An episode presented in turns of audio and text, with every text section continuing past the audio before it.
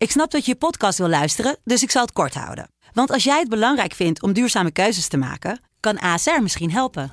Nou hoor ik je denken, hoe dan? Nou, bijvoorbeeld bij het duurzaam herstellen van schade. Of de premies die we beleggen volgens ons duurzaam beleggingsbeleid. Dat bepaalt waar we wel en juist niet in investeren. Wil je meer weten over welke duurzame keuzes ASR maakt? Ga dan naar asr.nl slash duurzame keuzes. ASR doet het. Zo, dan kan je nu lekker naar je podcast luisteren.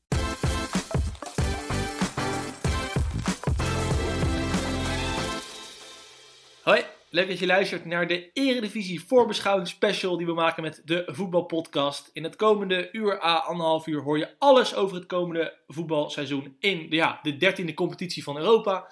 Intussen op de coëfficiëntenlijst, maar wel gewoon natuurlijk onze vaderlandse Eredivisie. Dus die gaan we gewoon voorbeschouwen. Doe ik natuurlijk niet in mijn eentje, want ik zit hier zoals altijd weer met Jimmy Driessen. Hey, hallo.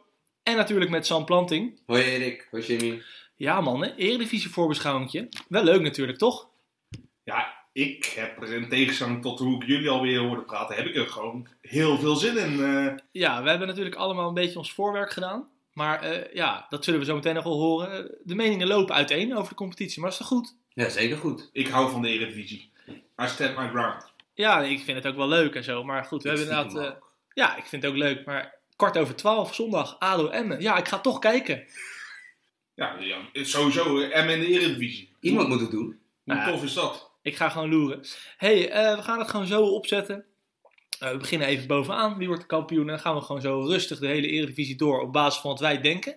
Maar we hebben er een beetje hulp bij met de structuur. We doen het namelijk ook een beetje aan de hand van. De bookmakers. Yes.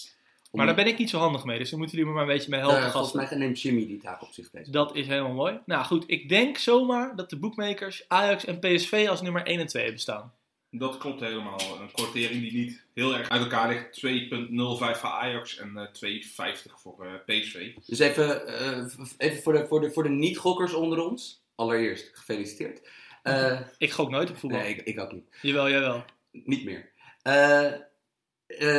Als we het hebben over een odd, dus bijvoorbeeld Jimmy noemt hier 2.05 voor Ajax. Dat betekent dat je bij 100, inzet, 100 euro inzet op een kampioenschap van Ajax, krijg je 205 uitbetaald. Oftewel eh 105 euro winst. En dat vertaalt zich dus, een odd van om en nabij de, de, de 2, vertaalt zich dus naar een kans van circa 50%. Is het Nederlandse woord voor een odd niet gewoon een quotering? Een notering. Notering, oké. Nou, dat staat genoteerd.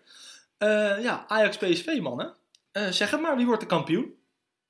Ja, ik denk nog steeds Ajax. Maar eh, ja, haalt PSV twee goede middenvelders wij sowieso zeker één. Dan eh, kan het alweer een stuk dichter bij elkaar liggen. Eh, ja, maar in principe Ajax die heeft zoveel ingekocht. Dat het zou godsbe zijn als ze niet kampioen zouden worden, toch? Ajax wordt kampioen. Eh, of in elk geval, dat, eh, als, het, als het zo blijft zoals het nu blijft, al helemaal als Ziyech niet vertrekt, dan, wordt Ajax kampioen. Ehm, maar het is ook een beetje de vraag hoe. Want eh, ja, de, de, de, de verwachtingen zijn hoog gespannen. En het potentieel van deze ploeg is gigantisch. Mhm. Van, ik, bedoel, ik begrijp dat er. eh, ik, ik, ik begrijp dat, dat de Ajax, de, de PSV en Feyenoord fans die deze podcast uiteraard ook luisteren. Zullen denken van ja, rot een eind op. Maar Die hebben ook zitten kijken tegen Standard Luik ja, natuurlijk. en ik bedoel, kijk, als je die ploeg nagaat. Van, je hebt natuurlijk wel een paar echt bijzondere spelers voor Eredivisie begrippen. Net zoals dat PSV een paar jaar geleden een paar heel bijzondere spelers voor Eredivisie Eredivisie begrippen had. En eh, nou ja, zolang die allemaal blijven, als de situatie zoals nu is, is Ajax torenhoog favoriet. Maar er, zit, er kleeft een dikke vette maar aan. Want ja, eh, we leven nu op, wat is het? 10 augustus. Ja, ja we nemen het natuurlijk op op 10 augustus. Ja, we hadden dus ook we 2 hebben- september kunnen doen, maar we hebben gekozen voor de eerste speelronde. En dus zullen we altijd nog een paar keer zeggen van ja, als Ziyech wordt weggekocht en Frenkie de Jong en misschien wel Matthijs de Ligt. Ajax Ja. heeft gezegd dat ze het niet gaan doen, maar het zou kunnen. Ja, en hetzelfde geldt natuurlijk als PSV. Stel nou dat, dat een van die Spaanse ploegen alsnog besluit een enorm bedrag voor Lozano neer te leggen. Bijvoorbeeld. Maar- En of, of dat bijvoorbeeld Berghuis opeens een aanbieding krijgt. Die, Maar, die maar goed, we maken deze podcast met de informatie die we nu hebben Precies. Dus En met de informatie die we nu hebben, eh, en ook met de, eh, toch Met de al- verwachting. met de verwachtingen en ook al een beetje met, met wat we van de, ploegen hebben, van, de drie, van de top drie ploegen hebben gezien, moet, is Ajax de favoriet. Nou, ik denk dat we dit jaar in de Eredivisie kunnen praten over een top 2. Oké. Dus laten we dan beginnen bij Ajax. Achilleshiel, jongens. Nou, eh, ten eerste denk ik eh, dat Ajax Ajax is de, de- haar eigen grootste vijand. Want je ziet nou alweer eh, strubbelingen met Ziyech met zijn nummer. eh, Van der Beek die, die, niet in de, die niet in de baas staat en in de media daarop zijn beklag doet. Mhm. Ik bedoel, eh, ja, history repeats een beetje hè. Ik wil het wel een beetje voor Donny van der Beek opnemen. Ik ben het helemaal eens met Jimmy dat ze moeten zorgen dat er geen gezeik komt in de selectie. Maar die verslaggever vraagt, joh, blijf je 100% bij Ajax? En hij zei van, ja, kan ik niet helemaal beloven. Dat is iets anders dan zeggen van, ik wil weg. Maar je hebt gelijk. Nee, maar bij Ajax rommelt het altijd. Zelfs als het goed gaat, rommelt het altijd. En, Ja, en, ja, Don- en Donny van der Beek loopt lang genoeg mee om te weten wat voor antwoord. ehm, Dat is, ja, Ja, tuurlijk. en, voor en, antwoord. en steek het eens af tegen, tegen PSV. Zelfs in een jaar dat ze derde werden, zeg maar eh, twee seizoenen geleden, Mhm. waren het niet echt hele grote strubbelingen die naar, in ieder geval naar buiten zijn gekomen. nee. Misschien zijn ze er intern wel, maar ze komen niet naar buiten. Ja. Volgens mij is er met zoveel topvoetballers en maar elf plekken is er altijd eh, gezeik onderling. Ik vind een groot probleem voor Ajax ook wel. eh, dat blijf ik zeggen, dat ze een trainer hebben die nog nooit een heel seizoen lang heeft gespeeld tegen ploegen die zich ingraven. En dat, ja, dat vereist toch gewoon een hele specifieke speelwijze. En dat ga je dit jaar ook weer zien. Ploegen gaan zich ingraven. En er staat heel veel creativiteit op het veld, zeker als Ziyech blijft.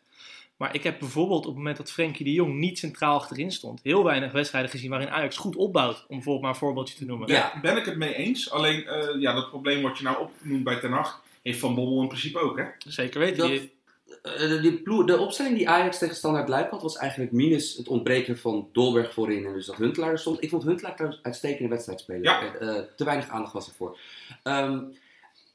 De- dit was eigenlijk de meest technische opstelling die Ajax kan opstellen, toch? Want het is dus de licht en, en, en blind zit er achterin, maar dan en Frenkie de Jong, en Schöne, en Ziyech en Tadic.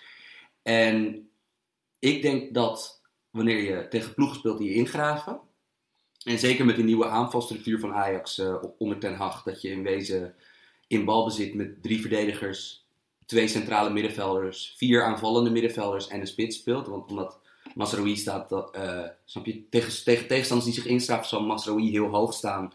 En zal eh, of, ofwel Neres ofwel Tadic vanaf die rechterkant heel erg ver naar binnen mogen komen. Ehm, ik denk juist dat Ajax een beetje met deze selectie die ze hebben, moet oppassen juist voor de eh, topwedstrijden. Terwijl dat, was, dat is een beetje omgekeerd als, als in de afgelopen jaren. Want als je ook tegen zag, van Ajax verdedigt sinds eh, een verandering ten opzichte van de vorige seizoen is dat Ajax nu verdedigt vanuit de 4-4-2. Ze Wat zetten zeg maar de hele wereld ook doet, op het WK ook. ja, Ajax zet nu druk vanuit de 4-4-2. Van de spits en Ziyech, eh, of de, de spits en de nummer 10 bij Ajax, die, die, die pakken de centrale verdedigers. En de buitenspelers, dus Neres en Tadic eh, in, in Luik, eh, die zakken terug naar het middenveld. ja. En dat was tegen Standaard gewoon centraal op het middenveld met Schöne en De Jong. Twee ja, spelmakers. Dus Mhm. ze spelen wel wat dichter bij de eigen verdediging, maar dat zijn spelmakers. Dat was gewoon problematisch. Want die zone was extreem kwetsbaar. Echt extreem kwetsbaar. Eh, Ja, en als je dan ziet wat voor wissels Ajax kon toepassen om zeg maar eh, potje dicht te houden, wedstrijdje uit te spelen. Eiting is natuurlijk ook een voetballende, controlerende middenvelder.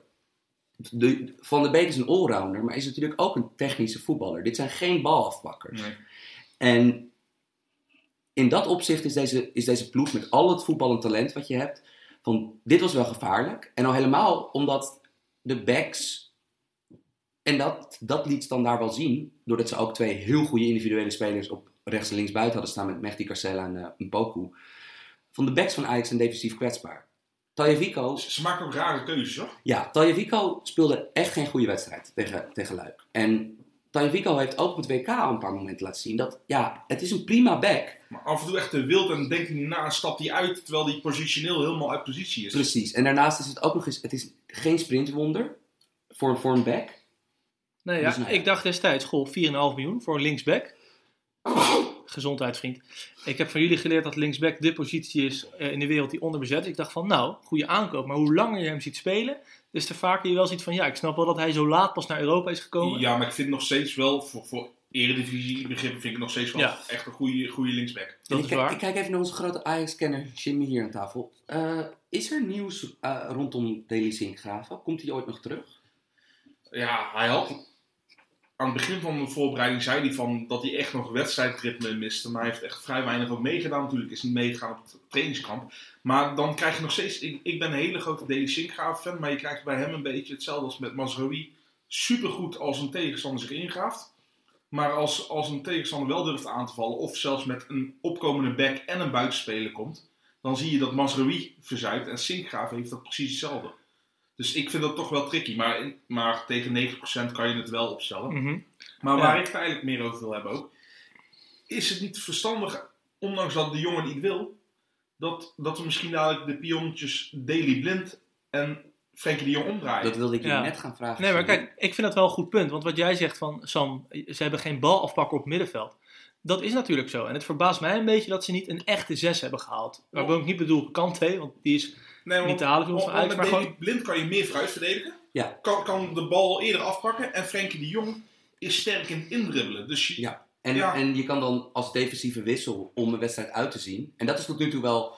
Ik vind Erik ten Hag vind ik een paar heel verstandige dingen bij Ajax doen. eh, structureel gezien, van het tactisch oogpunt. Maar het is tot nu toe geen eh, meester in het aanpassen tijdens de wedstrijd. Van, ja, maar dat is een beetje Ajax eigen. Ja, of 70 meester. Het is minuten bijna. Eredivisie eigen. Van veel te laat wisselen, eh, conservatieve wissels. eh, of, of conservatieve wissels als in altijd dezelfde positie voor dezelfde positie wisselen. Maar je zou natuurlijk, als je bijvoorbeeld Frenkie de Jong centraal achterin zet. Als je een wedstrijd uit wil zien, dan heb je ook een, een rol voor Weber in het team. En die moet ook gewoon gemaakt worden. Want dat is een jonge verdediger die, waar je 7,5 miljoen voor een betaalt. beetje zoals Cocu het vorig jaar deed. Ja, ja, ja. Verdediger erin, iets verdedigender spelen nog. Ja. Dat, Ja. eh, eh, eh, ik, ik, zou zeggen, probeer het misschien even met, inderdaad, wissel ze, wissel ze misschien even om. Want ik vond de balans op het middenveld eh, niet helemaal kloppen. Nee. En ook gewoon eh, in de opbouw, van je hebt natuurlijk geweldige voetballers als Schöne en de Jong. Maar het was wel een paar keer nonchalant. Ehm vier keer. Ja, dat hoort bij dat soort Ja. spelers ook een beetje. Dat moet eruit. Eh, ik zeg dus eigenlijk van, eh, ze gaan het lastig krijgen, tegen ploegen die zich ingraven. Jij zegt een beetje topwedstrijden vind ik moeilijk, Sam. Wat vind jij het grote gevaar, Jimmy? Ik denk juist, eh, inderdaad, ook. Ik zit er een beetje tussenin. Top, top eh, wedstrijden als, waar de gelijke krachten zijn, zeg maar, de teams even sterk zijn. Krijgt Ajax met dit middenveld heel lastig. Maar in de, de wedstrijd tegen de zwakkere broertjes zullen ze heel vaak inderdaad gewoon echt gewoon makkelijk winnen. Maar ze blijven kwetsbaar in de restverdediging voor één of twee counters. Dat is echt het grote probleem. En dat zie ik, eh, ja, zie ik er nog niet uitkomen. Ook voornamelijk omdat Schöne en Frenkie de Jong inderdaad op een controleurspositie altijd naar voren denken. En vooral Schöne niet de snelste is. Nee. En als Eiting erin staat ook niet de snelste is natuurlijk. Nee. Dus dat is het probleem. Nou, voordat we doorgaan naar, naar de volgende club. Ik heb bij Schöne al het raar gevonden. Toen hij zeker fysiek in zijn beste tijd zat, stond hij altijd op de zijkant of op 10. Met veel controleurs in zijn rug. En nu wordt hij wat minder snel en dergelijke. En nu zetten ze hem op 6. Op een hele rare, op een positie waar hij wel veel moet lopen als het misgaat. Dat is eigenlijk raar. Ja, maar hoe Ajax 6 invult is het juist niet dat hij veel moet lopen, maar veel aan de bal is natuurlijk. Dat is waar, Ja. maar in balverlies bedoelde ik dan. Ja, nee, maar dat, dat is het Soms risico moet, je dan wel een, soms moet je dan wel een brandje gaan blussen. En daar is Schöne niet heel goed in. Wat vinden jullie van die rechts op links? Raar. Ja. Mij bevalt het namelijk wel. Oké. Ehm, ik wilde eigenlijk doorgaan naar PSV. Want eh, ja, die hebben ook gewoon nog steeds een prima ploeg. Ik denk dat de aanval van PSV is te goed om ze niet serieus te nemen voor de titel. Als je ziet, die hebben Lozano, Bergwijn en de Jong natuurlijk. Daarmee breng je gewoon heel veel goals in. Ja, de vraag is natuurlijk of Van Bommel er net als Cocu voor kiest om wat verdedigender en meer op de counter te spelen. Om zijn verdediging wat te helpen. Want nog steeds vind ik dat echt de zwakste linie. ja, maar dat, dat is ook toch gewoon zijn selectie. Hij, Mhm. ik bedoel, het is mooi als hij voor de bühne allemaal zegt van ja, ik wil aanvallend dominant voetbal. Maar ik vind het ook heel erg dom. Ik heb de Cruijffschaal niet gezien. Ik was toen in het buitenland. Eh, wat was dat voor pot? Ik heb hem, eh, ik heb hem later, qua hoogtepunt, heb ik hem teruggekeken. Dus eh, Sam? Ja, ik, ik vond het eh schrikken geblazen. Van het algehele niveau. En dan kan je natuurlijk altijd eh, van, eh, dat is het als een voorbereidingswedstrijd zien. Nou, dat weet ik niet. Want je speelt wel gewoon tegen Feyenoord. En vanuit Feyenoord oogpunt, je speelt wel gewoon tegen PSV. Eh, Ik denk niet dat de beste ploeg op het veld heeft gewonnen, als ik heel eerlijk ben. PSV creëerde gewoon meer kansen. En eh, had in mijn ogen ook iets, iets, iets, iets grotere fases grip op de wedstrijd. Ja, die ene kans van Lozano, die was wel een mooie steekbal van eh, Hendricks. Zeker. Ehm, Rosario liet wat dingen zien waar dat, dat ik dacht, oké. maar genoeg om hem daar als eerste keuze te hebben eh, in die double pivot naast Hendricks op het middenveld. Dat niet. Te veel van hetzelfde? Dat, dat, ja, die, die discussie hebben we eerder gevoerd. Want ik vind het prima om twee, twee eh, eh, eh, te gebruiken. Maar Ehm, ik, weet niet, ik vond hem in balbezit net niet genoeg toevoegen. Ehm, ja, ik was een beetje geschrokken door de spelopbouw van beide ploegen. Dat dit, dit, was, dit, dit voelde een beetje als in Oranje in de, in de WK-kwalificatiereeks aan. Van, van voorstopper naar voorstopper, van voorstopper naar de back. Eh, snap je? Back speelt buitenspeler in die met zijn rug naar het vijandelijke goal, goal Dus weer staat. terug. En terug naar de back, terug naar de voorstopper. En dat was bij beide ploegen, vond ik dat ehm, echt problematisch. Bij Feyenoord kan je dan nog zeggen van, nou, Klaasie is net terug. Ehm, maar, ja, dit, nou ja, je- spoel, spoel vier dagen vooruit. En bij Feyenoord bleek dat toch een beetje Ja, daar gaan we zo meteen nog even over praten. Want we nemen dit inderdaad op één dag na Feyenoord tegen Trentin. 4-0 voor Trentin. Ja, Ehm, eh, denken jullie dat PSV, eh, als ze dus wel, zoals Van Bommel zegt, wil gaan spelen, dominant en al die dingen wat hij roept, misschien voor de bühne, als ze dat wel doen, denken jullie dat dat kan met deze ploeg? Eh, niet, nog niet, denk ik. Ik denk dat ze dan echt wel een, een goede passende middenvelder nog erbij moeten hebben. Ze hebben er nu in elk geval, ze hebben dus eigenlijk, wanneer, stel dat Sainsbury de voorkeur krijgt boven Schwab, dat lijkt me in het begin nog niet het geval, maar dat zou, zou best goed kunnen dat hij hem inhaalt op de rechtervoorstopper. Van, dan heb je dus vier nieuwe verdedigers staan. Ja, ik moet wel toegeven dat het kwartet Dumfries, Sainsbury, viergever Angelino leent zich meer voor voetballen van, Ja. van achteruit en vanuit balbezit dan Arias, Schwab, Izimat eh, eh, en eh Brenet. Het is wel wat, wat je zegt, Al, al man. vind ik Schwab ook niet heel verkeerd hoor, Nee. in balbezit. Maar vier nieuwe verdedigers, voordat dat gaat werken en zo, dan ben wel een tijdje verder, denk ik. Ja, dat weet ik niet. Ik bedoel, kijk, het blijft natuurlijk wel in de Eredivisie kan je- is die aanloopperiode. Het is voor de Europese wedstrijd wel een beetje spannend, maar in de Eredivisie is die aanloopperiode natuurlijk. eh, ja, ik bedoel, het gat tussen Ajax, PSV, eh, Feyenoord, AZ en de rest is gigantisch. En ik vind eigenlijk het gat tussen Ajax, PSV en Feyenoord AZ al, al Ja. groot. Ja, en ehm, dus in dat opzicht valt toch wat te redden. Volgens mij spelen PSV en Ajax spelen vroeg in het seizoen tegen elkaar, zesde speeldag of zoiets. Dus, dus nou ja, ze hebben een redelijke aanloopperiode voordat het echt om de knikkers gaat. Maar ehm, ja, moeten dus nog, ik, ik, ik neem aan dat PSV nog heel graag een middenvelder erbij wil. En dit hebben we al vaker besproken. Het is dan een beetje wat voor type speler Ja. dat is, zal een beetje bepalen wat, wat voor, type, wat voor sp- Ja. speltype goed, PSV we zullen zien spelen. Ze houden de jong, ze houden zoet. Ik vind al met al, als ze Lozano ook houden, dat je kan spreken van een Tot goed- nu toe, hè? van- Ja, Zelfs bij inderdaad. Ajax tot nu toe. Dat ze een goede window hebben, als het zo blijft. Ja, Oh, zeker. Ja, Van Ginkel, ja, ik, ik, ik ben er nog altijd niet over uit hoe ik Van Ginkel moet, moet waarderen, wel of niet. Het is, het is een, voor, helemaal van eredivisie begrippen eh, een benadigd goede voetballer natuurlijk. Eh, al vond ik hem vorig jaar qua, qua, qua belangrijkheid, kijk, zijn penalties waren ongekend natuurlijk. Maar ik vind dat hij toch, ja, hoe moet ik het zeggen, zonder afbreuk te doen aan hem, dat hij toch best wel af en toe afwezig was in de wedstrijden. Ja, dat vond ik dus ook heel erg. Dat, kijk, hij was degene die in de 16 kwam. En dat was ook goed. Maar daarbuiten vond ik niet dat je hem zag. Ook niet in de opbouw. Dat was vaak toch meer Hendriksen eh, zijn pakje Jan. Ja, voor een... Ik, ik vond het een van PSV's belangrijkste spelers. Omdat dus behalve uit een grote rol in het aanvalspel, met, wat, met waar, hij loop, waar hij liep op het veld. Kijk, Van Ginkel en de Jong samen is gewoon heel moeilijk Ja, te verdedigen voor ja, heel ik veel clubs. vooral dat hij is voor iemand die aanvallend veel toevoegt als middenvelder verdedigend goed. Ja, hij is sterk. Ja. En Hij loopt snap je, veel. en hij kan ook daadwerkelijk als tweede controleur spelen wanneer, wanneer je hem terugzakt. Het is heel slimme voetballer. Ja, gewoon echt een allrounder is het. Dus die, gaan ze, die zullen ze niet like voor like kunnen vervangen. Want Nee. dat lijkt mij dat je die, je kan zo'n jongen, je kan een echt exactzelfde speler niet voor minder dan 20 miljoen vinden. Nee. Nee, ze hebben wel wat in kas natuurlijk. Maar wat jij zegt inderdaad, dat is altijd zo paradoxaal. Als je iemand eh, verkoopt, ja, vind maar iemand voor hetzelfde geld. Ja, Maar- en, en in dit geval verkoopt PSV niet eens Van Ginkel. Die, Daarom. Daar krijgen ze niks voor terug. Maar ze hebben wel wat geld natuurlijk. Spoiler alert, we gaan wel vaker nog, hoe verder we afdalen op de ranglijst of, of, of, op de clubvolgorde in de Eredivisie, we gaan wel vaker zeggen van, het is de vraag hoe, eh, eh, snap je? Hoe de nieuwe spelers eh, de vertrokken sterspelers zullen Ja, we hebben, Dat- we hebben daar al bij AZ, heb je het al. Ja, want ik bedoel, Nederland, dat, dit, is het, dit is nu het, het voortaan het eeuwige probleem van de Eredivisie. Van oké, elk, jaar ga je bij- elk jaar gaan je beste spelers weg. Nog meer dan, gewoon frequenter dan Maar vroeger. is dat niet eigenlijk voor elke competitie behalve de Premier League en La Liga? Ik bedoel, ja, Nee. Heuming Song wordt ook gekocht Nou ja, eh, door Bundesliga. Ja, maar kijk door maar naar Spurs. Serie A dit jaar. Die Ja. zijn ook weer aan een opmars bezig. Ja. De League 1 is ook gewoon sterker geworden de laatste jaren. Dus het, het is juist de kloof tussen de top 5 en de rest wordt alsmaar groter. Ja. Ik weet niet, de League wordt ook helemaal leeggekocht door de Premier League weer. Ja, maar daar komen, altijd, daar komen wel echt Ja. altijd goede talenten weer Nee, naar boven. dat, dat ben ik met je eens. Maar Maar, wacht, wacht, even, wacht, Eredivisie, even. Ja. ja, je hebt gelijk. Het is de Eredivisie. Ja, je hebt gelijk. Eh afsluitende vraag. Dan kunnen we concluderen dat PSV sterker, zwakker of ongeveer gelijk uit deze window komt, mits Lozano blijft. Tot nu toe denk ik gewoon ongeveer gelijk. Gelijk, en dat is goed nieuws als je kampioen bent geworden het jaar ervoor. Ja, nou dat vind ik een hele mooie afsluiter.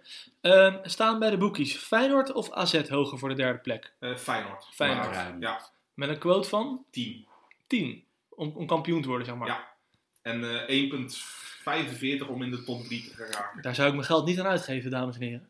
Ehm, wie heeft gisteren gekeken? Feyenoord of Trentin? Nee, ik eh, heb het niet gekeken. Vanochtend eh, een deel teruggekeken. Ik vond het ontluisterend. Ja, ik heb wel inderdaad een ruime samenvatting teruggekeken. En ja, vooral, ja, ik weet niet eens waar ik moet beginnen, joh. Ik Nou, vond even, even, even voordat we ze gaan afbranden. Met de kanttekening. Ze missen veel goede spelers. Ja. Ten opzichte van het jaar ervoor al helemaal. Als je El Amadi meeneemt.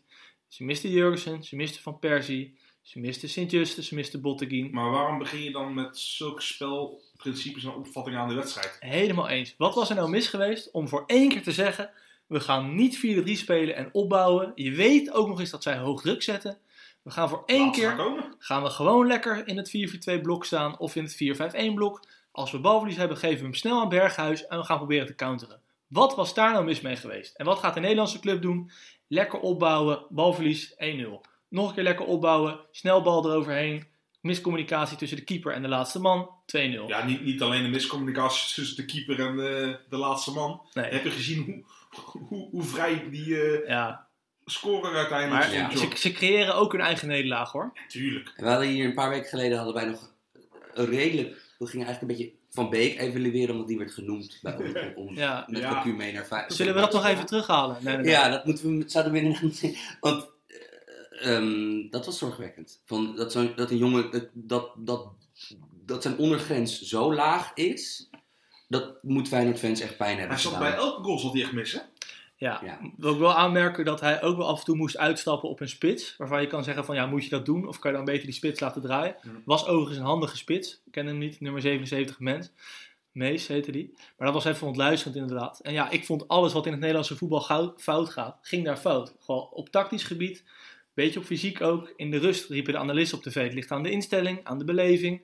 Zo blijven we altijd weer in hetzelfde cirkeltje doordraaien. Ja, maar goed, Na afloop, na afloop waren er, snap je, er, waren, er zijn genoeg columns weer te vinden waar, eh, ja, waarin eh, ja. alle intangibles, dus dat wat niet meetbaar is, Ja, van- van, Ja. inderdaad van instelling tot winnaarsmentaliteit Ja. en eh, eh, eh, eh, weer, weerbaarheid, dus dingen die je niet echt kan meten, die worden dan altijd genoemd. Nee, ja. In plaats van wat jij hier net, jij stond het er net even goed op, van er is hier zoveel praktisch aan te wijzen wat fout gaat. Kijk, het, het zal best wel ook met mentaliteit te maken kunnen hebben, maar dat is maar een heel klein gedeelte van de schil. ja. Er zijn zoveel andere belangrijke Want problemen. het feit dat gewoon zodra een Nederlandse ploeg tegen een goed georganiseerd team komt te staan, en of dat nou een team is wat compact op eigen helft goed kan verdedigen en, en, en, snap je, en een goede counter in huis heeft, of à la Trench, Trenchin, ik weet nooit Ja. helemaal hoe je dat... ja. Ehm, Eh, dat een, een club die een, een goede press in huis heeft. Dus, en dit was zeggen we, laten we zeggen middelpress. Hè. Dit was nog ineens, eh,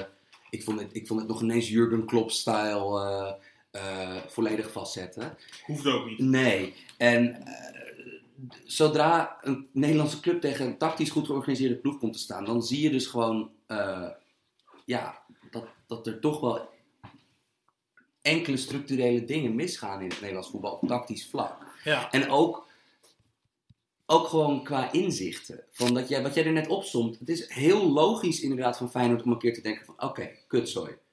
Met een halve ploeg moeten wij in Slowakije... Slowakije was het toch? Ja. Moeten wij naar Slowakije toe, naar, naar, een, ploeg, ja, naar een ploeg met een specifieke Ja. eh, stijl. Van oké, even het deurtje dicht. Van oké, dan, Ja. dan, dan verliezen we maar met één doelpunt verschil. Of 0-0 of 1-1. Ja. Maar goed, En- dat is eh, Feyenoord in Europa inderdaad. Wat verwachten jullie van Feyenoord in de eredivisie? Ja, die gaan nog steeds gewoon in de top 4 eindigen. Ja, ik bedoel, ze hebben natuurlijk de individuele... Kijk, individuele kwaliteit zijn prima bij Feyenoord. Ik bedoel, je hebt Robin van Persie in de spits Van staan. Persie en Berghuis. Ja. Berghuis, vorig jaar Koningskoppel. 18 goals. Ja, je hebt, hem, je hebt Klaasie nu als, eh, snap je? Eh, eh, Heb je nu dus aanspeelpunt op het middenveld? Ja, dat is voor Eredivisie Is, is wel goed. minder een aanjager dan El Amadi. Ik denk wel Ja. dat ze... Ik ben met je eens. Klaasie vind ik eh, misschien intrinsiek een betere voetballer. Ja, Alleen bal, ik denk- qua balbehandeling. Ja, ik denk alleen dat El Amadi belangrijker voor dit Feyenoord is dan dat Klaasie zal zijn. En Amali was afgelopen Zeker. seizoenen, zeker in het kampioensjaar, maar afgelopen seizoen ook nog echt heel goed. Maar ik heb Klaasie nooit een echte 6 zelf gevonden, man. Maar meer iemand die naast de 6 speelt. Ja. Bijvoorbeeld in een 4-2-3-1 of zelf met- op 8 in een 4-3. Ook al is dat maar een klein verschil. Ik weet niet, hoe zien jullie dat? Ja, hij zit er een beetje tussenin, vind Ja. ik. Het, het is, ik vind het een halve zes, vind ik het. Want hij heeft wel wat kenmerken ervan, maar ook gewoon heel heleboel niet. Nou, het ligt er gewoon een beetje aan van... eh, als je hem naast twee dynamo's op het middenveld zet, met Amrabat en Filena, dan klopt de balans wel. Want dat zijn allebei Er is jongens wel die- weinig creativiteit op één Er is weinig middenveld. hoor. creativiteit, maar dan klopt de balans. Klaasie kan het op zich wel. Die kan creatief zijn, nog. Ja, Kan die wel. ja ik bedoel, en hij heeft een goede lange paas ook in huis, hè, behalve dat, dat hij een korte paas niet goed is. Van, Ja, Het kan allemaal wel en Toornstra is voor de Eredivisie begrippen nog steeds een goede voetballer. Gaat wel elk seizoen achteruit, vind ik. Selectiematig ben ik ondertussen toch wel, nu ik er even wat langer over na heb gedacht. Feyenoord heeft, zes voorstoppers die aanspraak maken op speelminuten, toch? Ja, Eh, en inmiddels ook drie linksbacks. Ja, dus Malasia, dat is- Haps en eh, Verdonk. Maar Ik wacht denk niet dat ze- ze- Verdonk, ze- eh, Centraal achterin hebben ze Botteguin, Van der Heijden, Van Beek, Tapia, Tapia. Sint-Just. Sint-Juste. Dat is vijf. Ja, Verdonk is eigenlijk een centrale verdediger. en zijn we er zeker van dat één van die vijf echt goed is? Nou, ik vind Botteguin, als je niet op de middenlijn gaat spelen voor de Eredivisie, wel echt een prima verdediger. Gewoon echt in het verdedigen. Ik vind Sint-Juste ook wel aardig trouwens. Ik vind het zo knap dat Feyenoord kampioen is geworden met het tractorduo Bottegien Ja. en Van der Heijden. Ja. Dat is echt... Ik weet nog wel die wedstrijd uit bij PEC, dat Ron Jans even Quincy Menig in de spits had gezet. Dat was wel, eh wel tekenend inderdaad. Maar goed, over dit seizoen. Heeft Feyenoord een re- realistische kans op de titel? Denken Nee. jullie? Nee. Nee. Nee, ik denk het ook niet. Ik denk dat het een beetje een, ja sorry Feyenoord fans, een beetje een grijs seizoen wordt. Gewoon derde of vierde, that's it. Ja, ik bedoel, er zijn, er, zijn, er zijn vrij veel manieren om het seizoen goed te maken. Door gewoon leuk voetbal te proberen te spelen. Een beker, een beker de beker, wat Ja. dan ook. Of dat je, eh, ja, ik Nee. zou bijna denken, in Europa een keertje verder komt. Maar ja, daar kan dus weer een dik streep doorheen. Ehm, ik baal heel erg van gisteren. Het is zonde man. Ik baal heel ik erg denk dat dit Feyenoord in de Europa League groepsfase gewoon echt best wel leuk had kunnen meedraaien. Nee, Nee, serieus. ja, dat denk ik dus niet. Nee, als ze inderdaad een beetje wat aanpassingen zouden doen. Ja, ben ik ja met nee, dat, ik bedoel, ja, ze Ik- gaan ik- met 4-0 onderuit Je tegen hebt, je hebt helemaal dus- gelijk. Als ze wat anders zouden doen, zouden ze leuk mee kunnen draaien. Ja. Zo bedoelde ik het. Ja, qua spelers. En wat- Ja. ja. Ja. Als ze het En- net wat anders Ja, zouden toch wegzetten. hebben ze veel van hetzelfde, hoor. Qua, Ja. qua, qua Ja, ik, spelers. ik- een paar dingen. Ik vind op rechtsback, dat is gewoon een probleem. Klaar. ja, Daar hebben ze gewoon niemand. Sint-Juste wordt dan al gezet, maar dat is eigenlijk Nieuw- ook Nieuwkoop. verdediger. Ja, maar Nieuwkoop, ja, dat, dat vind ik het gewoon niet. En ik vind, ook al zijn Van Persie en Berghuis twee onwijs creatieve spelers, ik mis wel een beetje daarachter nog iemand die hen kan bedienen, zeg maar. Want al die jongens Ja, die we net noemden. Moeten Ja, of. Ayoub. Ja. Of, of Oh, die vergat ik trouwens. Ayoub, ik weet niet of die baas gaat spelen, maar dat vind ik wel een goede speler. Ja, Alleen ik weet dan weer niet of het middenveld Klaasie, Ayoub, Vilena, of dat zou kunnen werken. En het is altijd maar de vraag inderdaad hoe hij de overstap maakt van een, een subtopper binnen Nederland met je naar eens. een... Had Van Bronckhorst het einde van het seizoen? Nou, daar wou ik nog even over hebben voordat we doorgaan met AZ. Want ja, ik vind zijn rol eigenlijk heel dubieus, man. Vanaf de zomer van 2015. Wat heeft hij nou toegevoegd Nee, aan het spel van Feyenoord? Gio gaat nooit Een ontslagen. volle prijzenkast. G- Gio gaat nooit ontslagen worden. Hij heeft ooit tien wedstrijden ongeveer op elkaar, achter elkaar verloren, Ja, toch? zeven. Werd hij, niet, ja, werd hij niet ontslagen? Hij heeft, inmiddels heeft hij ook een kampioenschap eh, gebracht. Ja, nee, die man heeft krediet van hier tot en met Tokio bij de clubleiding. Die, Maar kan, jij, die kan Ayoub op goal zetten en, en ze vinden het geweldig. nog. ja, maar jij zei net zo van, een beetje raar accent zei het, maar een vollere prijzenkast heeft hij ze gebracht. Ja, dat is wel zo. Maar ik krijg steeds meer het idee, ik zie de hand van Gio totaal niet. Ze voetballen nu nog precies hetzelfde als in zeg je 2015. ongeveer elke podcast inderdaad. En dat is geen compliment. Nee, Dus die Ja. man heeft prijzen gehaald, helemaal eens. Maar in hoeverre is dat zijn verdienste geweest? Kijk, het is heel lullig om te zeggen van als iemand vierde wordt is het de schuld van de trainer. En als hij kampioen wordt is dat niet zo. Dat ben ik met je eens. Maar ik begin steeds meer te denken dat het gewoon een seizoen was waarin alles op zijn plek viel. Ze relatief goede spelers hadden. Ajax kwam Europees ver en was dus vaak vermoeid. Dat, ik, ja, ik denk steeds meer door dat het zo'n zo'n conclusie trek ik steeds meer. Giovanni is een, is een clublegende, zowel als voetballer en als trainer. En die zal nooit echt ontslagen worden, denk ik. Nee, maar ik, ja, dat ben ik helemaal met je eens. Dus om de vraag van Sam te beantwoorden. Ik denk niet dat hij ontslagen zou worden. Als ik Martin van Geel was, had ik het wel gedaan. En nou, om nog even af te sluiten, gisteren. is wellicht weer exemplarisch van je wordt weggespeeld. Pas wat aan. Pas je, je pressing wat aangehaald verdedigende spelen. En dat is heel goedkoop scoren voor mij nu. Maar Gio wist het dan in de 89ste minuut. Een rechtsback voor een rechtsback. En het blijft het hele... was geen publiekswissel. Het was geen publiekswissel voor Nieuwkoop, nee. En het hele wedstrijd, de hele wedstrijd speelt hij hetzelfde systeempje. Ja, ik vind dat gewoon niet meer kunnen in 2018. Nee. Nee. Eh, Dat, ja, het is gewoon echt balen.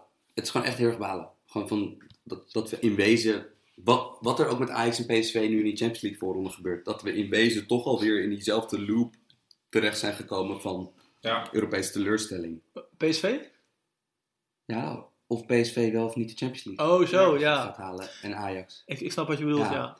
Dat, dat, dat, ik bedoel, het zou, dat, dat scenario, dat optimistische scenario, daar moeten we ook niet van uitgaan. Maar dat Ajax en PSV dat toernooi halen, dat, dat, nou, dat kan nog. Maar Ik vind 2-2 uit geen slechte uitslag, hoor. We hebben het over Feyenoord nu, maar we gaan even een klein stapje maken naar Ajax. Ja, 2-2 vind ik geen slechte uitslag. We gaan kijken hoe het gaat. Eh, maar gaat Feyenoord nog iemand halen? Nou, ik hoop dat ze een rechtsback halen.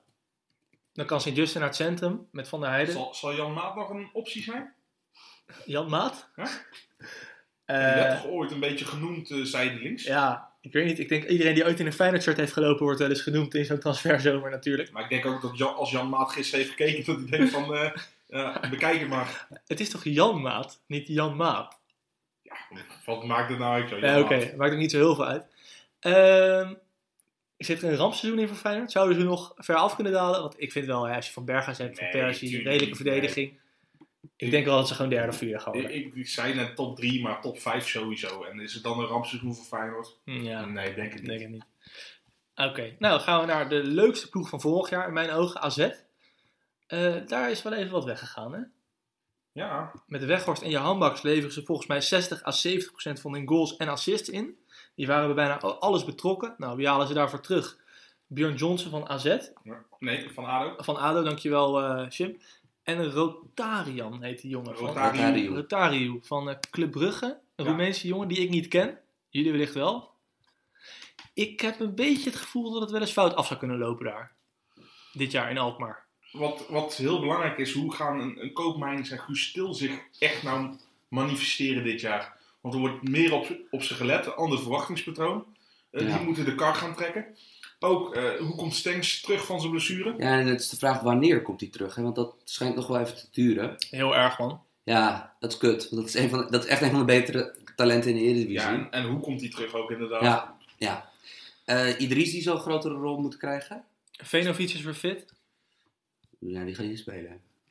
Nee, oké, maar wellicht in de rotatie. Ik bedoel, ik snap het middenveld, Mietje, Keup, Koopmeiners en Til, dat staat redelijk als een huis. Maar Ja. wie wellicht als er een keer iemand wegvalt of zo. Maar Idrissi zal meer moeten gaan produceren. Ik vond hem, volgens, goed- ik vond hem eh, eh, gewoon in die periode de, vanaf de winterstop dat hij kwam. Ik vond hem goed.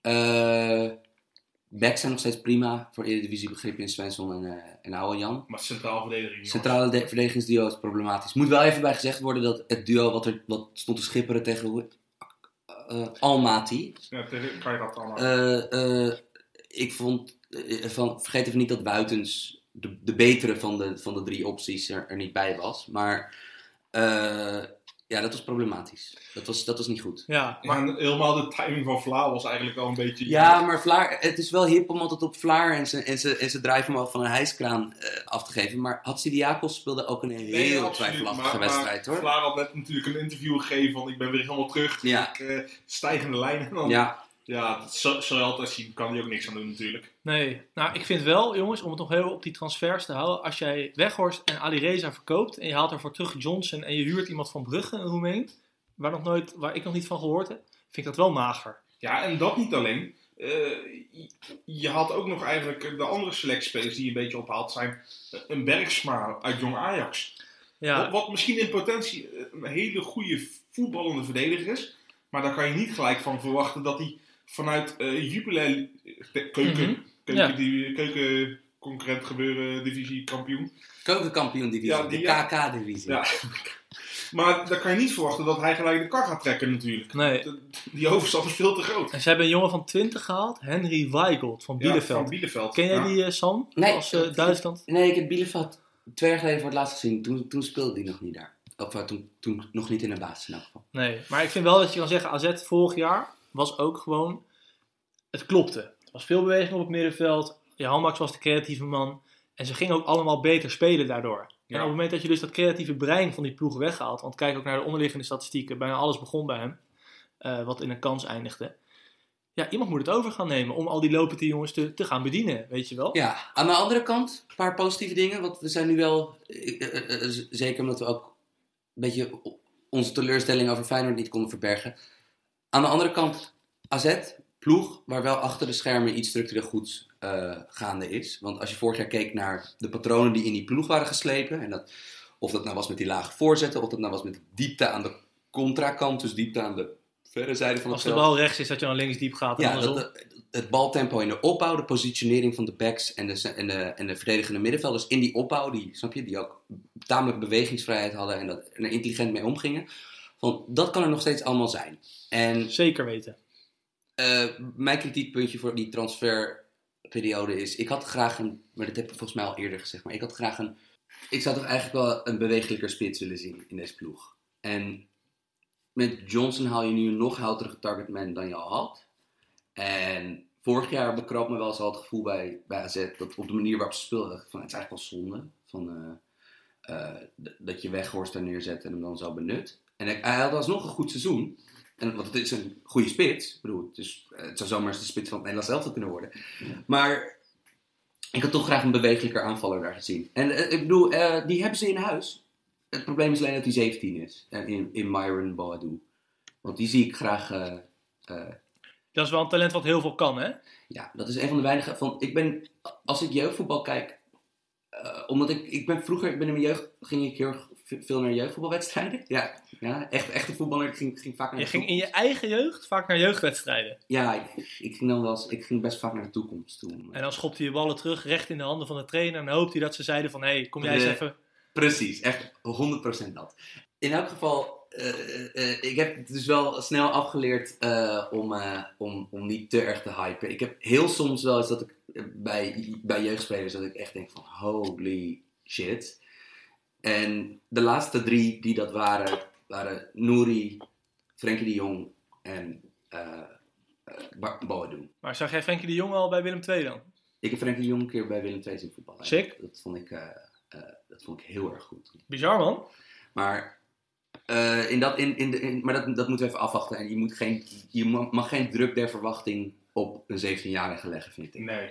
En daarom vind ik eigenlijk nog meer zonde dat AZ niet verder in Europa is gekomen. Want nou is de noodzaak ook minder om wat meer door te roleren. Mhm. Ja, zeker inderdaad. Ehm, zien jullie een scenario waarin AZ niet de top 4 haalt? Nee, toch? Zijn we toch al redelijk zeker? Nou, het, het zou kunnen, maar buiten de top 5, kijk, een Vitesse of een Utrecht misschien, kan ook nog wel. Er, er zal altijd, in elke competitie is er altijd wel één of twee zijn er verrassingen. Ja. En het kan zijn dat AZ dus inderdaad de top 3 of 4 uitkukelt, maar ze zullen niet ineens achtste of negende worden. Nee, want ik bedoel, dat zo'n zo'n verval zit nooit zo explosief in. Nee. Als Ja, de selectie niet. Ja, als de het- selectie helemaal. Op, op- het- op- Ja, goed, met verhaal is het ooit gebeurd natuurlijk. ja, En ze hebben vorig jaar het meeste punten gehaald sinds het kampioensjaar. Dus dat was gewoon echt een hele goede ploeg. Ik zie hier trouwens live op Twitter dat PSV eh, Ryan Thomas heeft gehaald van PEC. hey. Oké.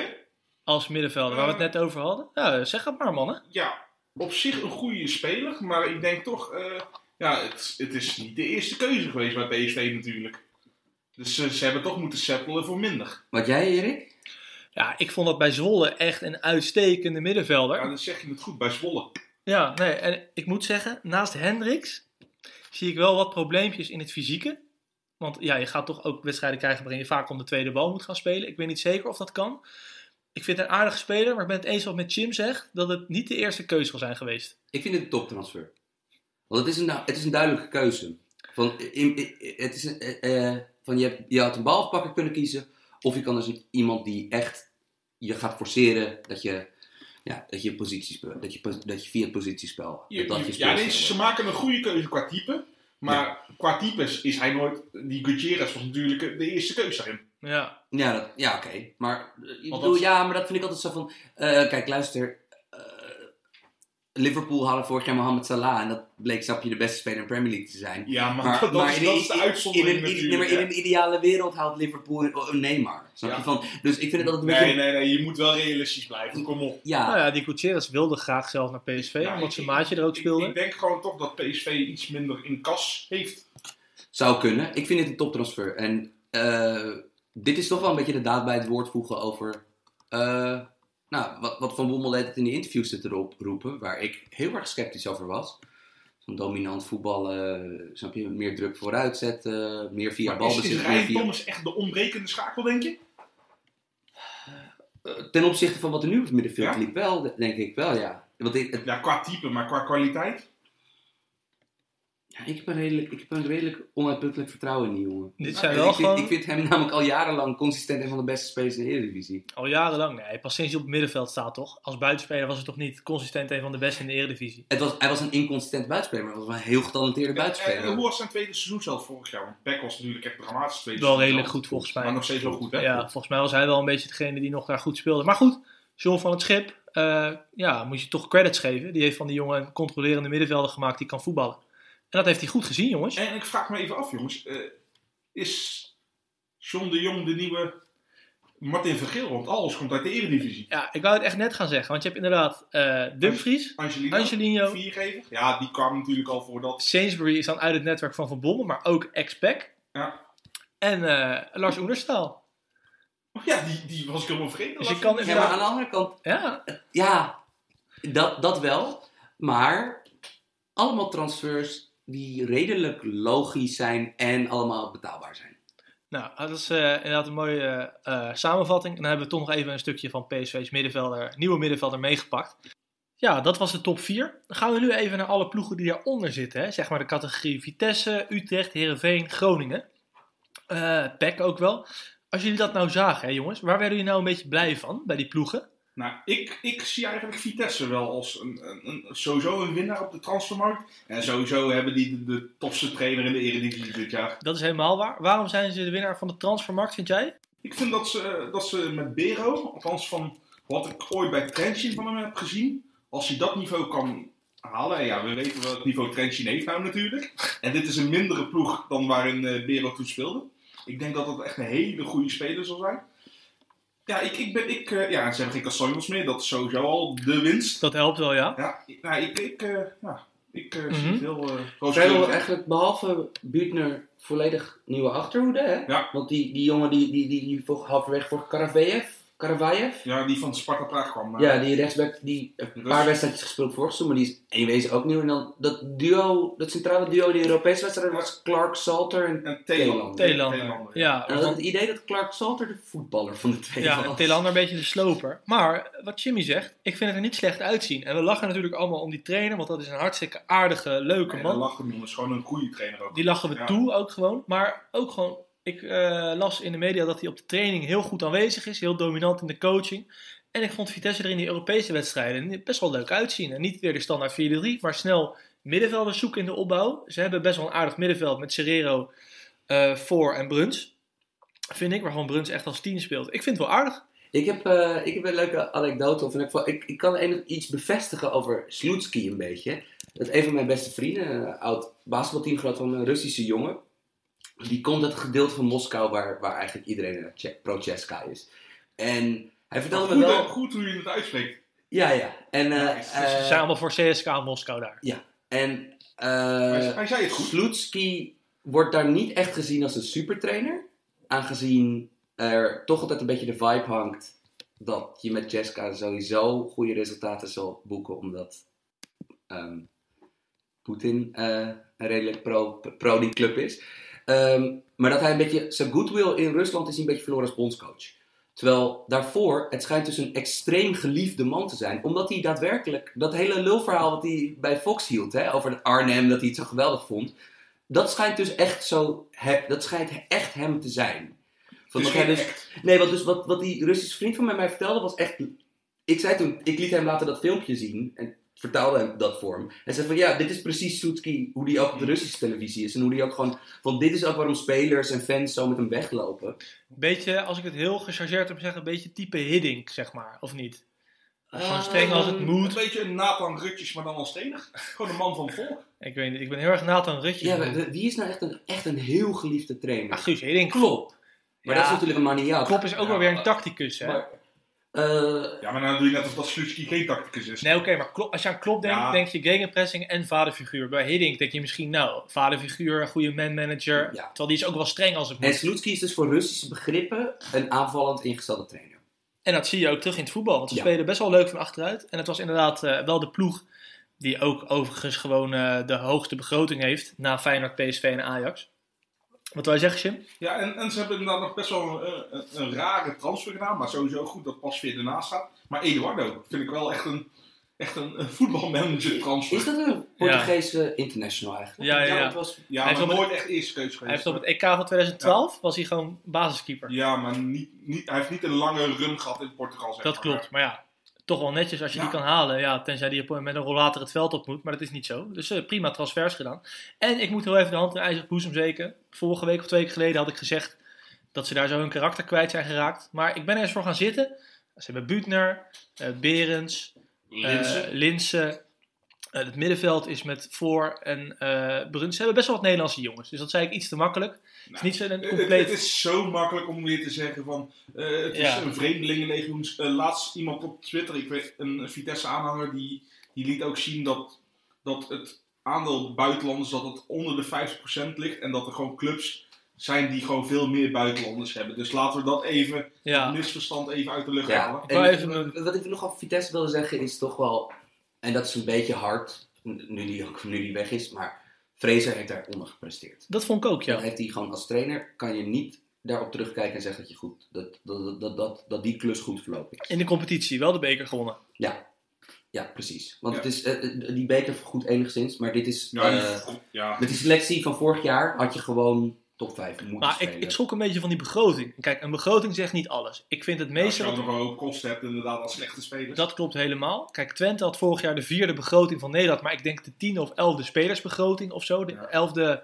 salarissen gaven zij uit. Dan moet je nog steeds niet degraderen. Maar het zegt niet alles, maar wel veel. Of wel wat in ieder geval. En ik schrok er een beetje van dat zij gewoon de vierde begroting van Nederland hebben inmiddels. En het mooiste trainingscomplex.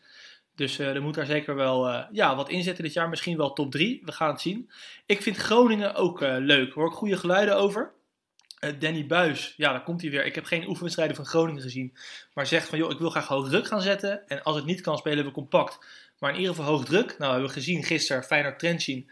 Als je goed hoog druk zet in de Eredivisie bij Spekkoper. Want iedereen raakt in blinde paniek. Schiet of de ballen weg, of hebben balverlies op eigen helft. En ik zie het daar wel, wel zitten eigenlijk. Ja, ik eh, sluit me eigenlijk daarbij aan. Jullie weten, iedereen die de podcast heeft geluisterd, weet hoe ik een mini-rand heb gedaan over Danny Buis. Maar ik, eh, wat ik van eh Thijs Faber, Ed Stennis had eh, op Twitter heb gehoord, eh stemt mij heel positief.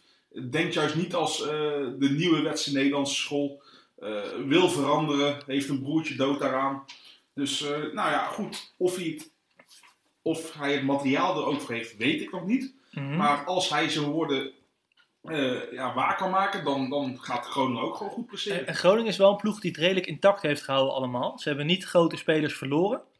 Niet dat je zegt van de jongens die heel belangrijk waren, behalve Bakuna. Was gewoon een hele goede pion voor hun, maar die is naar Huddersfield. Ja, maar op die positie hebben ze natuurlijk hun twee grootste clubtalenten. van de Looy en Rijs- ja. Rijs, ja. En ja, ik, eh, ik, hand in het vuur, gewoon linkerrijtje en leuk voetbal. Ja, en ik durf bouwde voorspelling. Rietsudoom gaat meedoen om eh, speler van het jaar. ja, Echt waar? ja, Ja. die was vorig jaar al geweldig. En nou, zijn, zijn tweede seizoen vind ik altijd lastig. Want aan de ene kant, je, je, je hebt de, vooral een Amerikaanse sporter, de, de beroemde sophomore slump. Van, Mhm. eh, ja, je hebt de eerste, het eerste seizoen goed gepresteerd. Tweede seizoen nieuwe verwachtingen kan je niet waarmaken.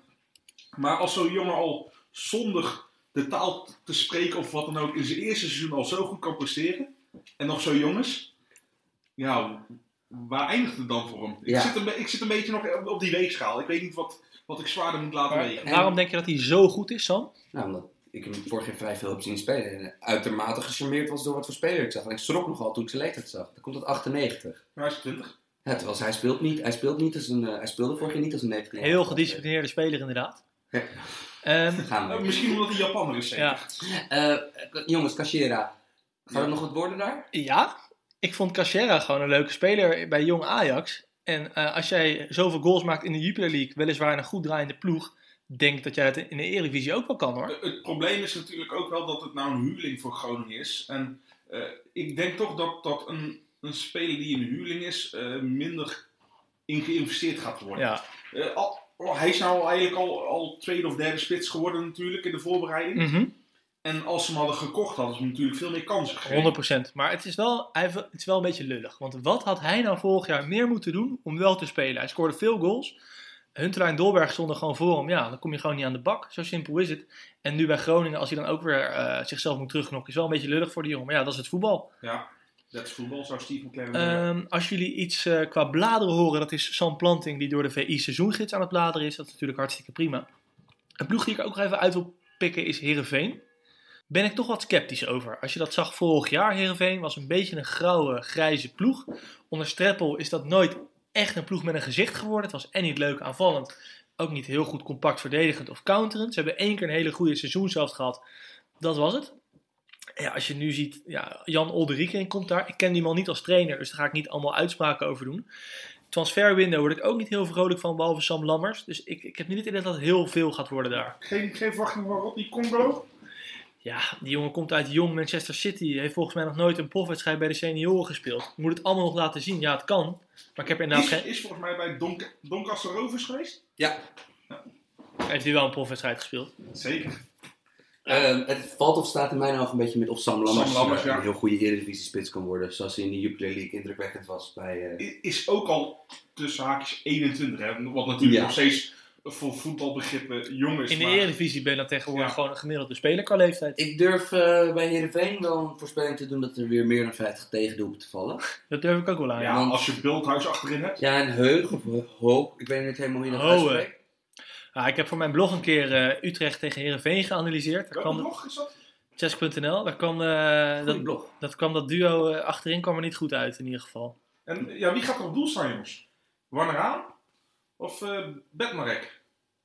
Maar Haas is een goede keeper. Ik vind Haan een prima keeper. Ja, Bednarek vond ik bij de Graafschap wel een prima keeper. Maar ik denk niet dat het Eredivisie niveau is. ik, ik moet je eerlijk gezegd even bekennen dat ik niet weet of Bednarek als tweede keeper is gehaald of als, als echte concurrent Misschien is het wel dat oude cliché. Ze moeten het met elkaar uitvechten. En dan heb je drie potjes in de voorbereiding. En als je dan een bal uit je handen laat vallen, ben je tweede keeper. En ik ben altijd wel fan van Eriksman bij eh Heerenveen. Ik vind Yuki Kobayashi goede Ja. speler. Ja, en ik vind het wel jammer, eh, misschien ook wel goed, dat, dat ze uiteindelijk Veerman hebben laten gaan. Maar ik vind het toch wel een, een beetje eh, een, een mooie slaat aan voetballen.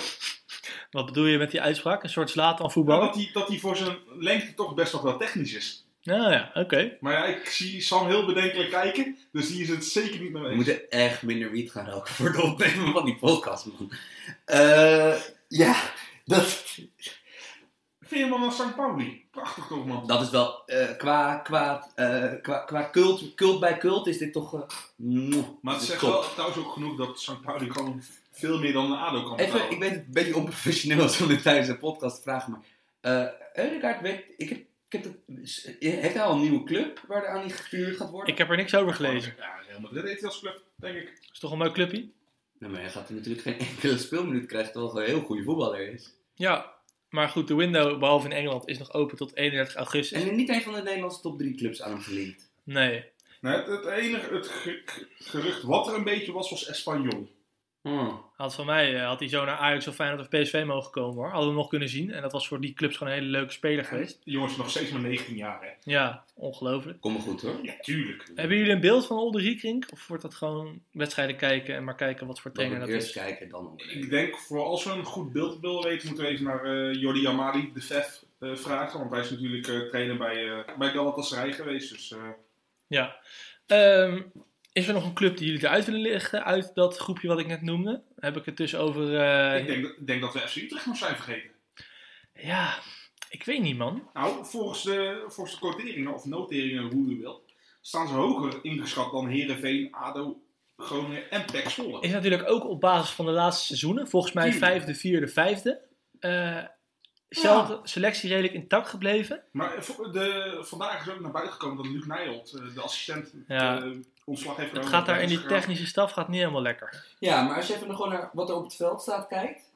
Ze hebben... Gustafsson en Overheim gehaald. Ze hebben, een midden- ze hebben een verdediger gehaald waar, die, waarvoor iedereen in de markt eh, le- leek te zijn. Die Emiel Bergström. Dat Vooral waren de, vooral de vrouwen zijn in de markt voor hem. Oké, oh, dat is mooi, mooi, dat wist ik niet. Schijnt wel een Eh, eh, goede viking te zijn. Leon Guara, zijn linksback, die heb ik eh, eh, in de Zweite Bundesliga heb ik die eens gezien. Ik heb die bij Darmstadt zien voetballen. Dat is Prima linksback voor de Eredivisie. Gavori. Ja.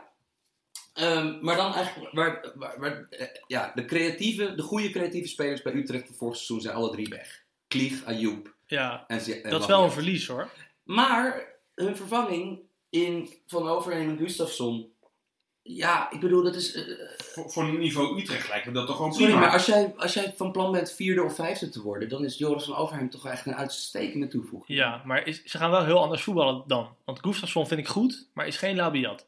Van Overheim vind ik goed, maar is Maar geen Ayoub. Maar het hoeft ook niet per se Nee, oké, maar als je, hetzelfde te zijn. als je anders gaat voetballen, ver gaat ook weer een aanpassing in je speelwijze. Wie gaat die jongens bedienen? Ik zie hem niet lopen, de creatievelingen op het middenveld. Ze spelen daar nog altijd die 4-4-2 die onder ten Hag is ingeslepen. Ik weet niet of dat nog zal, steeds zo is. zal Emanuelson weer een beetje creatief mogen zijn. Nou, Strieder, maar Strieder was natuurlijk, die vergeet van dat hij zo lang is geweest. Maar het is wel gewoon een heel tamelijk een nuttige speler om aan de bal te hebben. Jawel, zeker. Maar het is nog steeds meer... eh, Een opbouwer. ja, Ja. die zit niet in de laatste 16. Nee, ik, eh, ik mis het een beetje zeg maar tussen de opbouw en het daadwerkelijk kansen creëren. Daar zien. mis Van ik... Nee, dat is een loper. Nee, Nee, niet, nee, nee, niet, niet helemaal mee eens. Nee. Nee, die kan, die kan wel wat creëren, alleen ja, hij heeft het eigenlijk, eh, Ja. bij Dordrecht heeft hij toen heel goed gedaan. Ik vind Van der Streek een goede clubvoetballer. Ik ook. Goede ook. voetballer bij Utrecht. Ook een loper trouwens. Girano Kerk. Vind, frustrerende voetballer omdat hij nog wel eens kansen mist. Ja, Hij heeft natuurlijk wel echt talent en echt een paar vermogens. eh, en als je Kerk noemt met missen van kansen, heb je Dessers eigenlijk ook. Ja. Ja, terwijl, ja, ik heb nog altijd, ik geloof er nog best dat dat kan lukken. Ja, nee, En absoluut. dan heb je die Reus, die, die vorig jaar meteen Maak Maak, maak, maak je nog, ja. Ja, da- eh, ik heb het idee dat als ik mensen Nou. spreek die, met, die, eh, die Utrecht nauwer volgen dan wij, eh, dat, daar wordt wel iets van verwacht. Nou, de oordelen waren daarover vrij snel. Want die heeft een paar potjes gespeeld. Waarvan één keer in de Europa League voorronde. Uit op een veld waar hij niet op kon spelen. Toen is hij geblesseerd geraakt. Maar dat- die werd toen al gehaald als, nou, die hebben we toch eh, goed gescout. Hij was volgens mij ergens mislukt. Spelen met een krasje. En hier, Om even een mooi cliché in te gooien. Ten Hag voetballer inderdaad. Ja, Met een krasje. Kijk, als jij inderdaad lange bal gaat spelen. ja, maar dat is eigenlijk een beetje die cheatcode die in de Eredivisie gewoon werkt. Fysiek, kopsterk, kan een balletje vasthouden. Zeker. Maar ik vond het spitsenkoppel Kerk en Labiat. Want gek genoeg was Labiat het afgelopen seizoen zelf, tweede seizoen zelf, was hij de spits met Kerk. Nou, dat vond ik echt voor Utrecht een uitstekend spitsenkoppel hoor. Zolang ze maar niet die Gurtler op moeten stellen. Nee, dat is niet best. Maar ja, ik weet niet. Ik zie ze niet vijfde worden eigenlijk. Ik Nee. heb dan meer vertrouwen in andere ploegen, Ja, als ik het zo zie. nou, ja Vitesse. Wie is jullie nummer 5? Vitesse. Sowieso. Is, eh, Utrecht. Mijn Vitesse inderdaad. Maar waarom toch Utrecht dan? Ja, omdat eh, die hele structuur van ook dat speelsysteem, ze spelen eigenlijk als enige dat systeem wat ze doen. Laten we het even in balbezit 4-2 eruit noemen, maar Heel veel vrijheid. Ja, maar het is vooral verdedigend. Dus dat verdedigend doen ze het iets anders dan de rest. Dus dat ze in wezen dus zonder echte spits verdedigen, maar dat er drie mensen op lijn in die zone staan waar de verdedigend middenvelder de bal moet komen ophalen. Ja, en wat ik ook wel eh, leuk vind, ze spelen eigenlijk een, een, een on-Nederlands systeem. Maar achterin hebben ze wel een soort Nederlandse invulling met ook nog een voetballende verdediger in Ja. Willem Jansen erbij. Ja. Dus ze, ze doen eigenlijk een soort crossover. Nee, daarom, daarom. En ik vind, ja, en ik vond dus, ik vond dus, eh, kijk, het is natuurlijk wel de vraag in hoeverre dit de structuur van Ten Hag en de Jong was en in hoeverre dit ook gewoon zo was dat je met Ayoub en Klieg, eh Klieg later en, eh, en La- Labiat, dat je gewoon drie, voor Eredivisie begrippen, echt heel goede middenvelders eh, of, of zeg maar creatievelingen in je selectie had. Ja. Nou, dat vind ik dus een beetje moeilijk op te vangen. Ja, nou ja, ik, ik, ik heb er nog wel vertrouwen in, omdat ze hebben een redelijk veelzijdige selectie. Dus, eh, eh, En ik denk eh, van, van Overheen, ja, die is gewoon ook het slachtoffer geworden, net als een Dabney, van de goede ontwikkeling van de talenten die erachter staan. Maar ik denk dat van Overheen, die moet nog steeds in zijn, in zijn kracht van zijn leven komen. Hij is ook nog steeds 24. Hè? Kijk, en hij werd op een gegeven moment, wat Jimmy ook zegt, kwamen er andere jongens op zijn plek te spelen. Eh werd hij aan de buitenkant neergezet. Ja, het is geen buitenspeler Nee. natuurlijk. Dat, dat kon hij wel. Maar ik, ik vind, ja, ik ga niet voor de vijfde keer hetzelfde zeggen. Dat heeft die jongen ook niks aan. Maar ik vind het niet een creatieve speler die daar even de rol, de rol van Ayoub of Labiat over kan nemen. Ik weet niet of we het er later nog over gaan hebben, maar ik denk dat Overheen een van de positieve verrassingen in de Eredivisie gaat worden. Nou, top. Ik hoop het, want het lijkt me een aardige gozer. En ja, die moet natuurlijk inderdaad gaan spelen. Dan hebben we een beetje het linkerrijtje wel gehad. Of jullie Peck nog even meenemen? Vertrekt ook wel veel hoor. Peck en ADO. ADO wordt kijk, volgens de boekjes redelijk ook ingeschat. Ik had Peck in het linkerrijtje staan. Maar als je ziet wat daar allemaal is weggegaan. Met wat we nu weten. eh, Ryan Thomas. Philip Sandler. eh Mokhtar is weggegaan.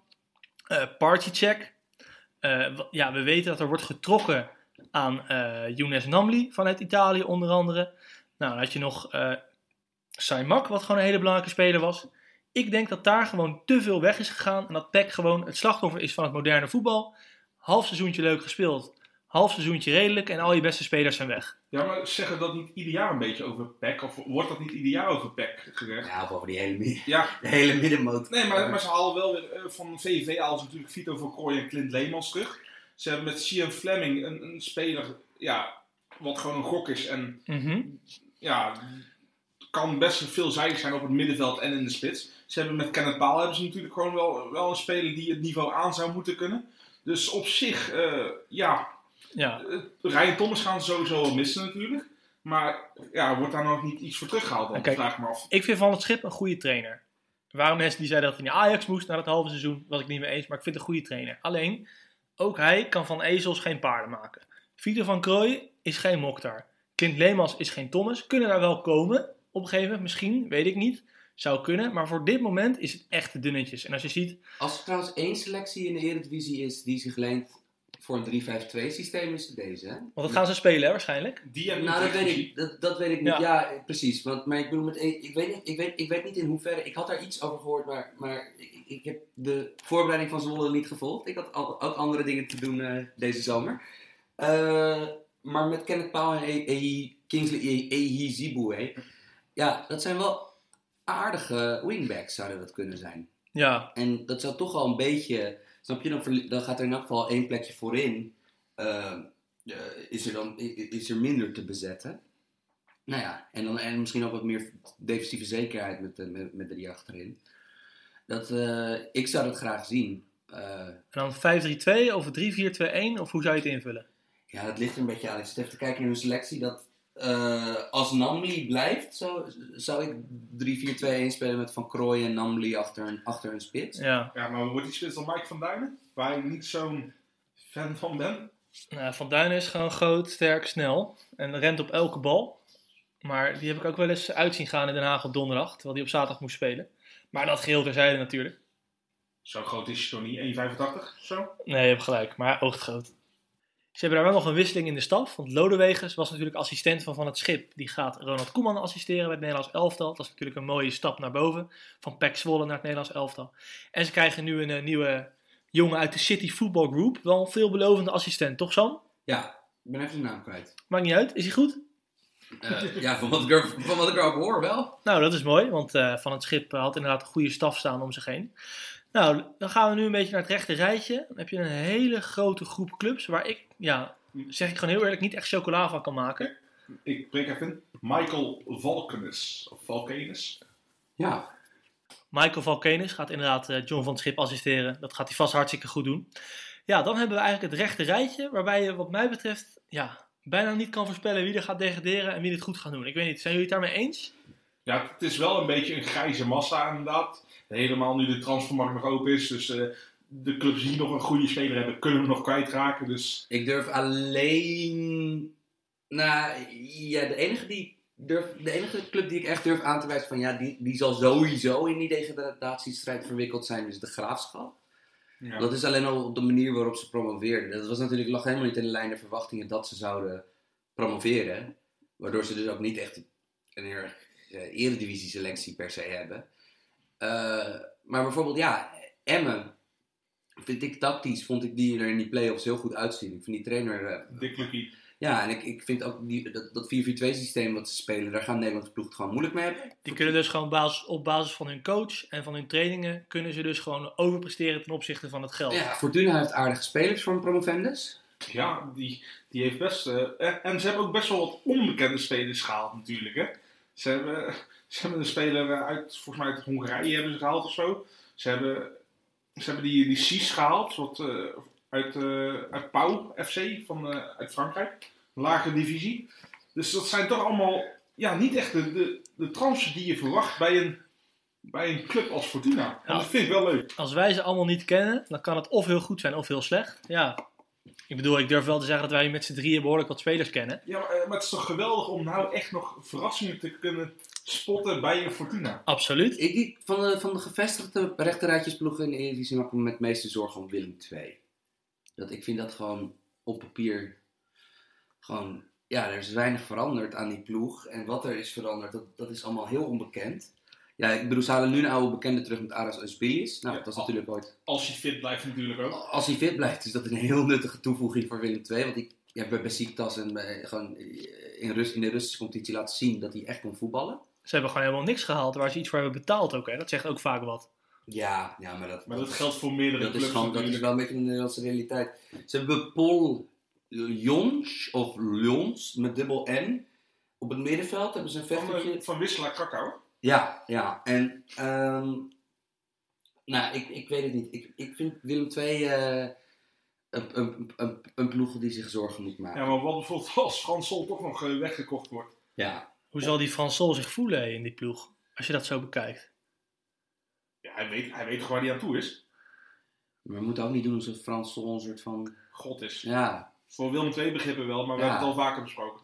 En eh, wat je over Willem II zegt, wil ik eigenlijk ook nog voor eh, twee andere clubs zeggen. Eentje ook een Brabantse club. En eh, die twee clubs die ik ga noemen, alle twee geel-zwart. VVV en NAC. Ja, VVV maak ik me ook wel een beetje zorgen Ja, hoor. ze zijn hun beste spelers aan PEC kwijtgeraakt. Ja, ik ben nog niet heel erg eh, van wat ik eh, gezien Mhm. heb qua aankoopbeleid. Ja, zo- zo'n grot, dat is wel weer gewoon... een- ja Dat is wel leuk. Hier, ik wil dit, dit jullie voorleggen. Want, want dus, VVV speelt meestal 4-3-3 in, in, in, in de aanval. Dus 4-3-3 met, met, met de spits. Eh, sorry, met de, met, met de nummer 10 achter de spits. Dat is dan die, eh, eh, die Ralf Seuntjes. Stel je voor dat ze voorin, dat ze Ralf Seuntjes dus achter de spits zetten. Eh Penian Mlapa, dat is een eh, voormalig Duits jeugdinternational. Die nu Togolees international is. Dat is een jongen die eh, heel lang te boek heeft gestaan in de, in de Duitse competitie. Is een groot talent.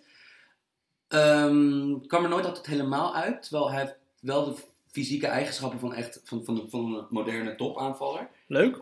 Eh, maar als je Mlapa in de spits zet en dan Grot en Opoku ernaast zetten, dan heb je een voorhoede met een gemiddelde lengte. Dan heb je vier jongens voorin staan met een gemiddelde lengte van 1,92 meter. Dan krijg je een Mourinho-bal. Nou ja, luister. Het werkt wel in Ja, Nederland, denk ik. Ik bedoel, dat gaat wel werken in Nederland. Want het gemiddeld centra centraal verdedigingsduo in, in Nederland is meestal 1,83. En die Stijn is gewoon een pragmaticus puur zang, Maurice Ja. Stijn. Ja, en je, hebt dus ook weer, je moet dus ook denken dat dit is dus ook. Dit gaat sowieso ook weer een probleem opleveren voor tegenstanders bij standaard situaties. Maar, maar we hebben het wel over de aanvalskracht. En dat ben ik helemaal met je eens. Maar vergeet ook niet, ze zijn ook hun beste speler zijn ze kwijtgeraakt. Althans, eh, een betrouwbare speler. Lars Unestal, hè? Die wordt toch wel teruggevuurd? ze. Oh, tuurlijk, ja. Dat is toch top? Ik Ja. bedoel, dat is ook echt goed dat ze die houden. Dat was helemaal Eh, vergeten, ja. Maakt toch allemaal niet Ja, uit. ik was de transfer sowieso al vergeten. En Ik denk dat dit het eerste foutje is wat jij maakt in de podcast. Gewoon niet in deze, maar gewoon in alle afleveringen. Ja. Dus dat is allemaal niet zo erg. nee, dan, dan eh, VVV eh, Europese plaats. Ja, maar het scheelt wel hoor. Oenerstal is Ja. wel een van de betere keepers in de eredivisie natuurlijk. Ja, ja en NAC, die zijn ook wel wat kwaliteit kwijtgeraakt natuurlijk. Ja, maar het is Ja. dus nog de vraag. Ik weet dus niet of zij nog drie huurlingen toegeworpen krijgen van City. Ja, dat, dat is het nog inderdaad, ja. Dat kan de laatste transferdag... eh, En wij weten ook nooit precies hoe goed die huurlingen zijn die ze jaarlijks krijgen. Daarom vind ik het zo jammer dat zo'n Arzani naar Celtic gaat en niet naar NAC. Qua, qua niveau is het waarschijnlijk beter voor hem. Ja. Maar voor mijn ogen was het toch veel leuker geweest. Ja, we kijken een hoop voetbal inderdaad, maar niet naar het tweede elftal van Chelsea en van Man Ja. City, noem ze allemaal op. Maar ja, kijk, luister. Vorig jaar ma- mazzelden ze natuurlijk enorm met die twee Spaanse jongens. Met Manu Garcia en Angelino. Ja, Ja. als je dat soort jongens van City krijgt, krijgt toegestuurd. Ja, dan, dan schiet het opeens op. Hij heeft nou die Eric Palmer Brown, die Amerikaanse verdediger. Dus eh, die, die ook in, volgens Twitter-geruchten ooit in de belangstelling van Ajax en PSV stond. Dus ja, op zich, qua profiel zal die dan wel goed kunnen zijn. Maar ja, er zijn ook zoveel spelers in de belangstelling geweest van clubs die daar uiteindelijk niks van konden. Nou, laten we het hopen. Dat, laten we het hopen dat ze op de een of andere manier er toch weer in blijven. Want ik vind Van der ik is er wel goed in om van... eh, Ja, ja, ja, dat is misschien een beste tra- transfer geweest. Ja, en ik vind, als je ziet naar de Eredivisie dit jaar, met alle respect, met een hoop clubs die misschien wat kleiner zijn dan, dan, dan we gewend zijn, hè, zonder Twente, zonder NSC, zonder Sparta, maar wel met Emmen en dat soort clubs. Ik vind NAC wel echt een club die er echt bij hoort in de Eredivisie. Nee, je moet erin blijven. Altijd volle bak, goede sfeer, dus Ja. dat, dat is wel echt zo. Zijn we het inderdaad met z'n allen eens dat de Graafschap 18e wordt?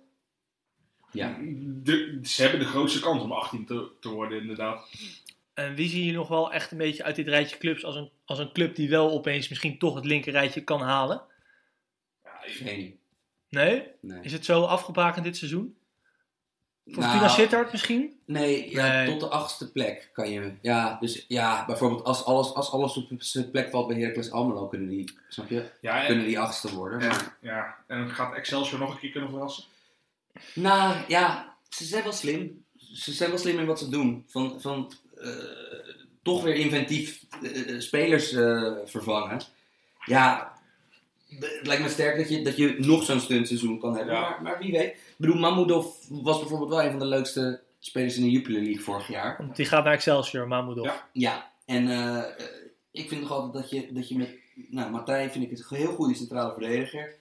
Koolwijk is nog altijd, vind ik, een uitstekende middenvelder voor zo'n club. Ja. Ja. Het, mid- het middenveld wordt wel oud. En met Kolwijk en Ja, met, eh, Bruins. Bruins, Ha- Hadewir hebben ze nog. Met. Saoud. Ja. dat Ja. zijn allemaal... eh, Dat zijn wel goede spelers hoor, voor dat niveau. Ja, maar ik vind het jammer dat Elbers ehm, weggaat. Ik Ja. vond het een goede buitenspeler voor dat niveau. Ja, hij is volgens mij nog eh, clubloos volgens mij. Ja, Nee, ik verwacht ook wel veel van Excelsior. Ze hebben daar inderdaad de trainer, Adrie Poldervaart. Die gaat eh, niet 4-3 spelen en dan maar de opbouw van achteruit. Maar die gaat ook wat anders doen. En ik denk dat dat een beetje het thema wordt van het rechte rijtje. Van als je het op een iets andere manier aanpakt en je kan het daar punten mee halen, dat dat een beetje je insteek moet zijn. En dat als je hetzelfde gaat doen als iedereen, dat je dan een beetje ten dode opgeschreven bent. Ik denk dat dat een beetje is.